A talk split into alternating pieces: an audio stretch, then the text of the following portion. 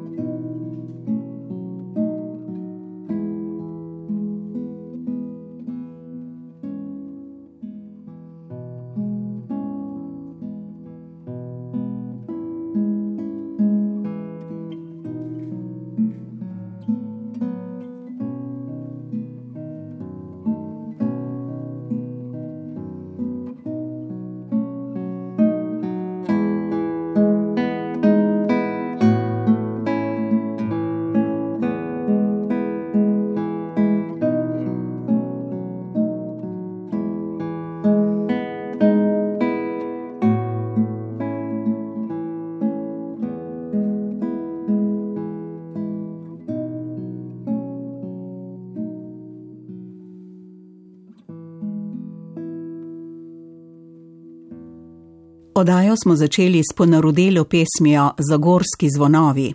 Napisal jo je v planini rojeni skladatelj, pesnik in dramatik Miroslav Vilhar, ki je osnovno šolo obiskoval v Postojni. V sodelovanju našega radia z glasbeno šolo Postojna pa je nastal posnetek flautistke Kaje Mrhar. Mlade glasbenike je gostila kolegica Lea Hedžat. In zdaj prisluhnimo direktorju knjižnice Bena Zupančiča Postojna, etnologu, magistru Urušu Mlinarju. Ja, knjižnica Bena Zupančiča postojna ima kar bogato zgodovino. Lani smo praznovali 115-letnico. Eh, In vsem tem času se je zamenjalo že tudi kar nekaj imen knjižnice. No, bom rekel, začela je kot ljudska knjižnica, postojna, eh, se pravi leta 1905. Potem po drugi svetovni vojni se je skupaj s študijsko knjižnico, ki je nekaj časa bila posebej, združila v mestno knjižnico postojna. In potem je pa tam v 80-ih letih prišla ideja, da bi se preimenovala po Benu Zupančiču. In takrat so, bom rekel, ti mestni svetniki dvignili roko in takrat je Beno Zupančič. Beno Zupančič sicer pa je bil porodu, je bil iz eh, Siska in eh, delal v Ljubljani, tako da eh, spostojno praktično nima nekih korenin. Je pa res, da je Beno Zupančič v tistem času, ko se je knjižnica obnavljala, delal na rekel, sekretarijatu, takrat pa neko ministrstvo za kulturo no, in je rad zahajal postojno, predvsem pa je takrat pripomogel, da se je knjižnica razširila in obnovila in nekako njemu častno se je potem preimenovala v Beno Zupančiča. Nekako v tem času malo razpravljamo o Beno Zupančiču, pa nekakor ne bi želeli uh, neko zgodovino za nazaj popravljati ali pa da bi bilo ime uh, moteče, ampak izvedli smo tudi eno anketo v knjižnici in tudi uh, med ljudmi je nekako živo še vedno ime mestna knjižnica postojna, tako da mogoče smo tudi že predlagali tudi občini, če bi se mogoče knjižnica nazaj preimenovala, rekel eno tako splošno ime, nikakor pa ne, ne, ne mislimo, da bi s tem radi uh, neko zgodovino pretvarjali ali pa da bi bilo ime moteče zaradi, ker bi izhajalo iz iz drugih časov. Naša knjižnica v bistvu izhaja rekel, iz eh, prejšnje občine, eh, šir, razširjene občine Postojna, ki sedaj vključuje eh, še občino Pivka. In pač v zgodovini so potem tudi nastajale krajevne enote, tako v Pivki, potem tudi v Prestranku in na koncu je prišel tudi leta 1979 Bibliobus. Smo bili, se mi zdi, tretji Bibliobus v Sloveniji, ki je bil uveden. In ta knjižnična mreža je, bom rekel, res funkcionalna. V bistvu pokrijemo vsak košček naše občine, vsako naselje, vsako vas je, rekel, se Bibliobus ustavi in v teh večjih krajih so pa krajevne enote. Lani so knjižnico v prestranku zaradi slabega stanja zaprli, a si krajani, pravi direktor Mlinar, knjižnico znova želijo. Kot sama pa knjižnica, pa v postojni pivki je, jaz vedno pom, govorim, je zelo pomembna tudi lokacija sama knjižnice. Knjižnica v postojni je locirana res v centru mesta in vedno radi podarjamo tudi vsi knjižničari, rekel, da je knjižnica ni samo prostor izposoje knjig, ni samo prostor čitalnic, knjižnica je neka dnevna sova mesta. No. Želimo pač, da se obiskovalci in uporabniki knjižnice pri nas eh, zaustavijo tudi za zadeve, kot so informiranje, kot so preživljanje kvalitetnega prostega časa in tudi naše delo je usmerjeno v to, da jim ponujamo vse več eh, tudi vsebin, ki so, moram reči, raznobarne in raznolike, tako za mlade kot za druge uporabnike, tudi uporabnike s posebnimi potrebami, tako da želimo čim spektr čim bolj razširiti. Vsaka knjižnica danes je, je tudi po javni funkciji, eh, ima čitalnico, ima dostop do, mi rečemo, serijskih publikacij, se pravi časopisov in revij. In to je mesto tudi, kjer je možno eh, prinesti svojo literaturo, eh, študijski kotički, računalniški kotički in je, bom rekel, neka res taka dnevna soba. No. Potrebno je mogoče podariti, da v zadnjem času prav ta tiskani mediji, ne, vsem tem digitalnimi informacijami in internetom, ko zgubljajo popularnost oziroma oziroma tudi izgublja ljudi, ki jih uporabljajo. No, tako da čitalnice, na reko glede 15-20 let nazaj, je nekako manjši obisk ta dnevni samega branja časopisja. So pa ti prostori sedaj za nas postajajo vse pomembnejši zaradi prireditev, zaradi sprejema različnih skupin, zaradi bralnih klubov, da se nekako, bom rekel, res eh, kvalitetno preživljanje prostega časa, da najdemo ene vsebine za raznolike ljudi, ki živijo v mestu. No, za občane. Knjižnica torej veliko sodeluje z različnimi domačimi društvi in jih povezuje pod domačo streho, sicer pa tudi sami pripravljajo številne kulturne dogodke, prireditve, predavanja, pravi strokovna sodelavka za pripravo kulturnih prireditev v knjižnici Polona Škodič. Glede na to, da je letošnje leto bilo kakršno je bilo koronsko in vemo, kako je bilo s prireditvami, smo se seveda znašli po svoje. Drugače pa ja, tempo prireditev v zadnjih letih je bil kar zelo dinamičen, zelo raznolik in seveda kot knjižnica smo poskušali kar se da slikovito in tudi kakovostno popestriti javno kulturno življenje, bodi si s predstavitvijo novih knjig, torej to so bili literarni večeri, s predstavitvijo tudi drugih literarnih dogodkov. Veliko se povezujemo tudi z društvi, najrazličnejšimi, seveda pa ni izostalo niti programa za mlajše generacije. Dogodki se vrstijo tako v postojnski enoti, kot tudi v pivki. Svoj vrsten program pa ima tudi postojnski bibliobus, imajo ga že 40 let. Sicer pa imamo, kljub temu, da nimamo razpoložljivih prostorov, pestro tudi razstavno dejavnost, kjer se v glavnem trudimo in trudim s svojimi sodelavci, da predstavimo delo naših lokalnih ustvarjalcev in umetnikov, da predstavimo naše rokodelce, da vsake toliko povabimo tudi kakšnega zunanjega, seveda, ampak dajemo ta poudarek na tej ustvarjalnosti lokalnega značaja.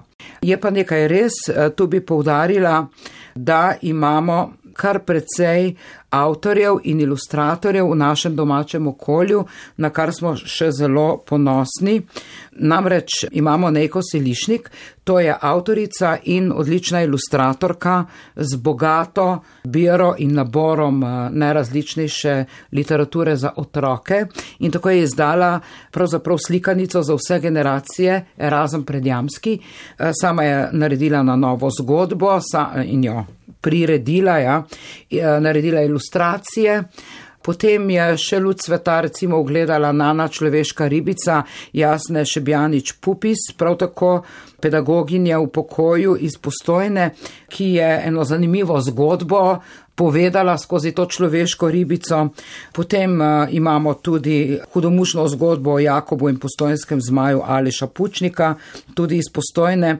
Potem je treba pa še eno avtorco recimo omeniti, ki je vsestranska ustvarjalka in naravovarstvenica, inženirka gozdarstva Špelo Habič, ki je med drugim izdala tudi kar nekaj knjig in je avtorica več poljudnih in strokovnih knjig, ampak zanimive so tri slikanice, v katere je vključila legende, zgodovino in povesti iz naših gozdov in podeželja. No, ko pa ostajamo pri naših postojnčanih in lokalnih ustvarjalcih in umetnikih, je gotovo treba govoriti o akademskem kimparju in slikarju Eriku Lovku, ki ga na obali še kako dobro poznate, saj je za časa svojega življenja bil močno prisoten tudi v tem okolju.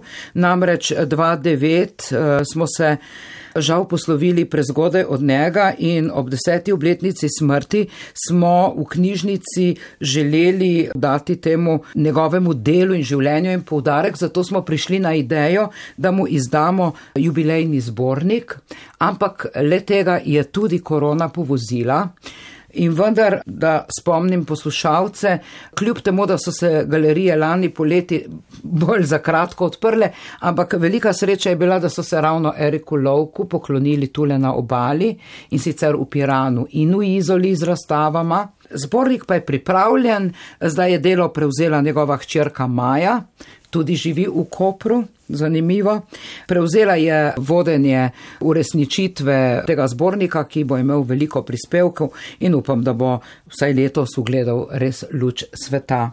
Prireditve, predavanja, dogodki, vse to tudi arhivirajo. In knjižnica je dom literatov in drugih umetnikov imamo eno tako malo poslastico.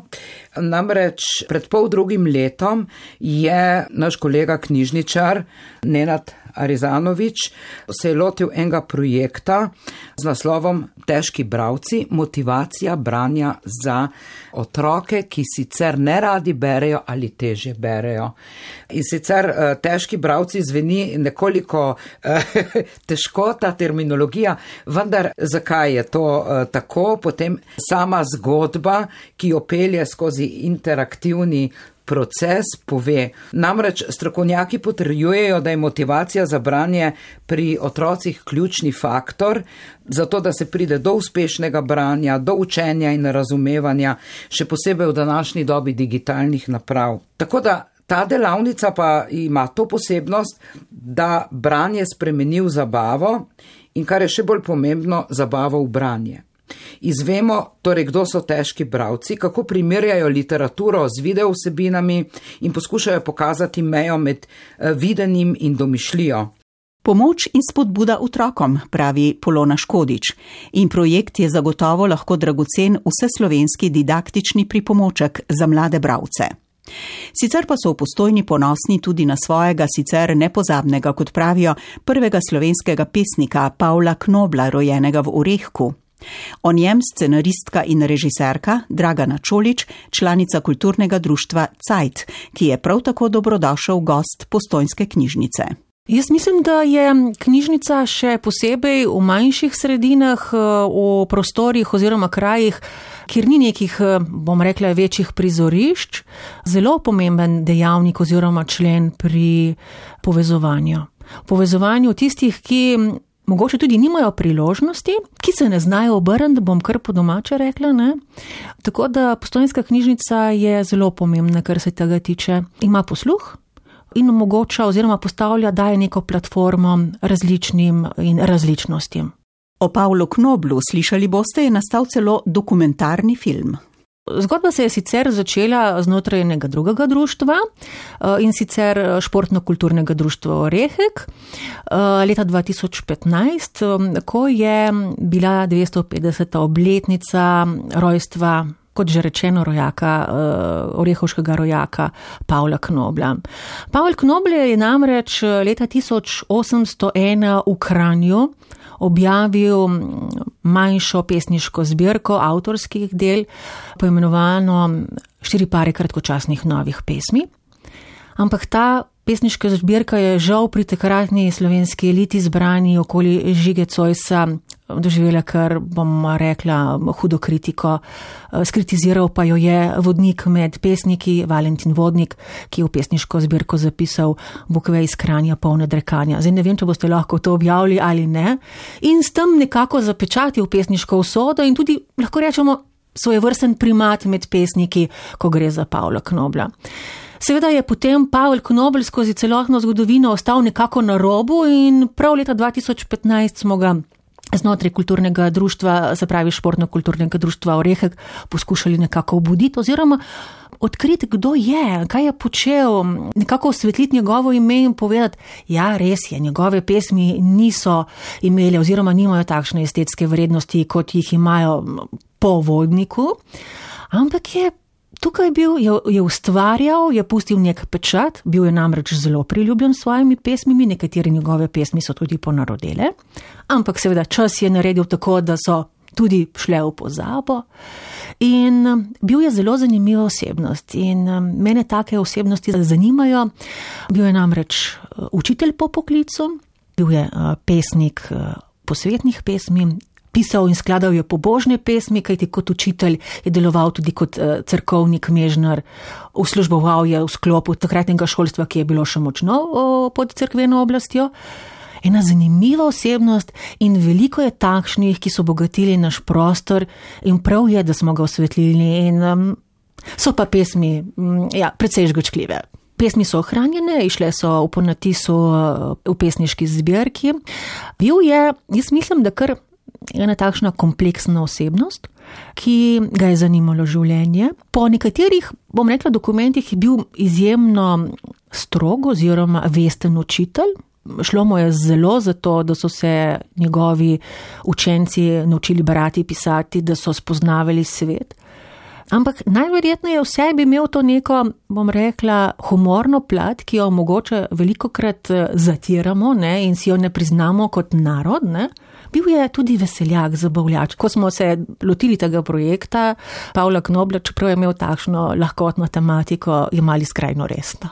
No, mi smo našo zgodbo o Pavlu Knoblu znotraj kulturnega društva eh, Zeit pripeljali do dokumentarnega filma, ki je bil mm, objavljen oziroma je luč sveta ogledal konec leta 2019. Kratko in jedrnato za Pavla Knobla skovano, on je koval za nas, mi pa smo potem eno filmsko zgodbo ustvarili za njega. No, film je bil tudi v preglednem programu eh, festivala eh, slovenskega filma leta 2020.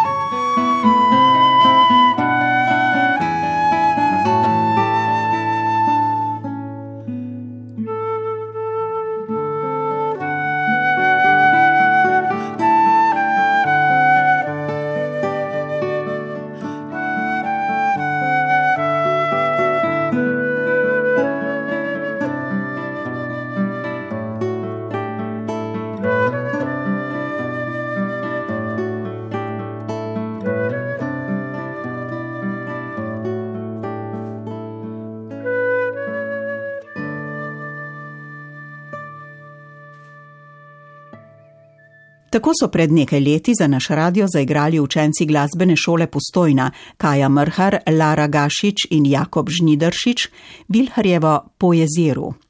Sicer pa poslušate oddajo Primorski kraji in ljudje. Kar nekaj postojnskih literatov in drugih umetnikov je bilo že imenovanih. Povedali pa smo že tudi, da postojnska knjižnica ponuja streho domačim društvom, tudi Društvu za krajevno zgodovino in kulturo Lipa Pivka, katerega predsednica je Irena Margon. Raziskovanje lokalne zgodovine in literature prav tako poteka v knjižnici, Na dogodke je pred časom epidemije prišlo celo do 20 udeležencev, razprave na čajankah pa se ponovno vračajo. Res je, s knjižnico postojna in oddelkom iz pivke že vrsto let zelo dobro sodelujemo in sicer smo društvo, ki imamo radi knjige, ki radi knjige tudi izdajamo, ki radi knjige beremo in jih ponujamo drugim. No, tako da v nekem takem pogovoru in enem izmed ciljev našega društva je tudi to, da se knjige in eh, kulturo približa ljudem kako narediti to, ja, tako lepo, da se da lahko napraviti čajanko. Leta 15 smo začeli s čajankami v dogovoru s knjižnico Postojna oziroma z oddelkom iz Pivke, z gospod Artanjelo Stegel, ki je knjižničarka pri nas, rečemo kar naša dada, takole na kratko. Povabili smo pač nekaj bravcev, nekaj eh, upokojencev iz upokojenskega društva, ki se ukvarjajo tudi s kulturo, imajo tudi svoj oddelek, eh, nekakšen, neko skupino beremo skupaj. No in tako smo začeli. No, namen naših čajank je, da se vedno nekaj novega eh, spozna. Jaz sem kot organizatorica to ponovadi pripravljala oziroma še vedno pripravljam, zdaj smo mečkano omejeni s tem le, ko ne moremo v živo srečevati se.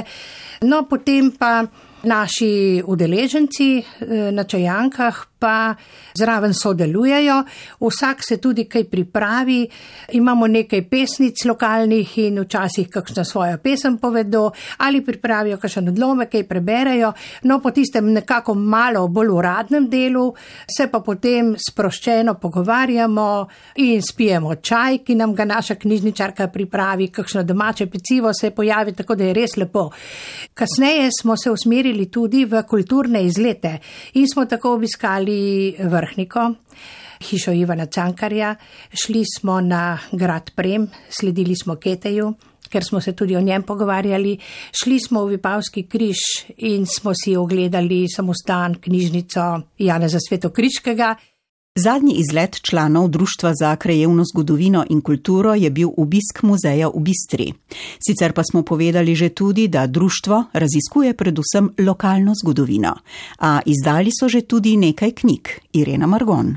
In sicer smo se posvetili dr. Antonu Požarju, slavistu, duhovniku, ki je dal velik pečat našim krajem, pa tudi širše. Zadnje čase pa raziskujemo Ludoviko Kalan, pesnico, učiteljico, pisateljico, prevajalko marsikaj bi lahko rekli o njej. In prav eh, zdaj v februarju je išla druga knjiga ki smo jo izdali. No, zakaj je tudi znamenita? Doma je iz pivke, vendar je ustanovila slovensko osnovno šolo v Piranu leta 1950. Ta je bila po dekretu poslana, da pač nekaj naredi na področju šolstva. Bila je zelo delovna, aktivna, dobra.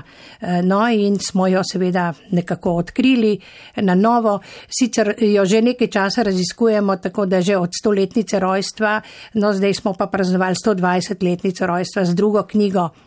Nagovarjajo nas, naj še tretjo naredimo, no, morda se bo kdaj kaj zgodilo.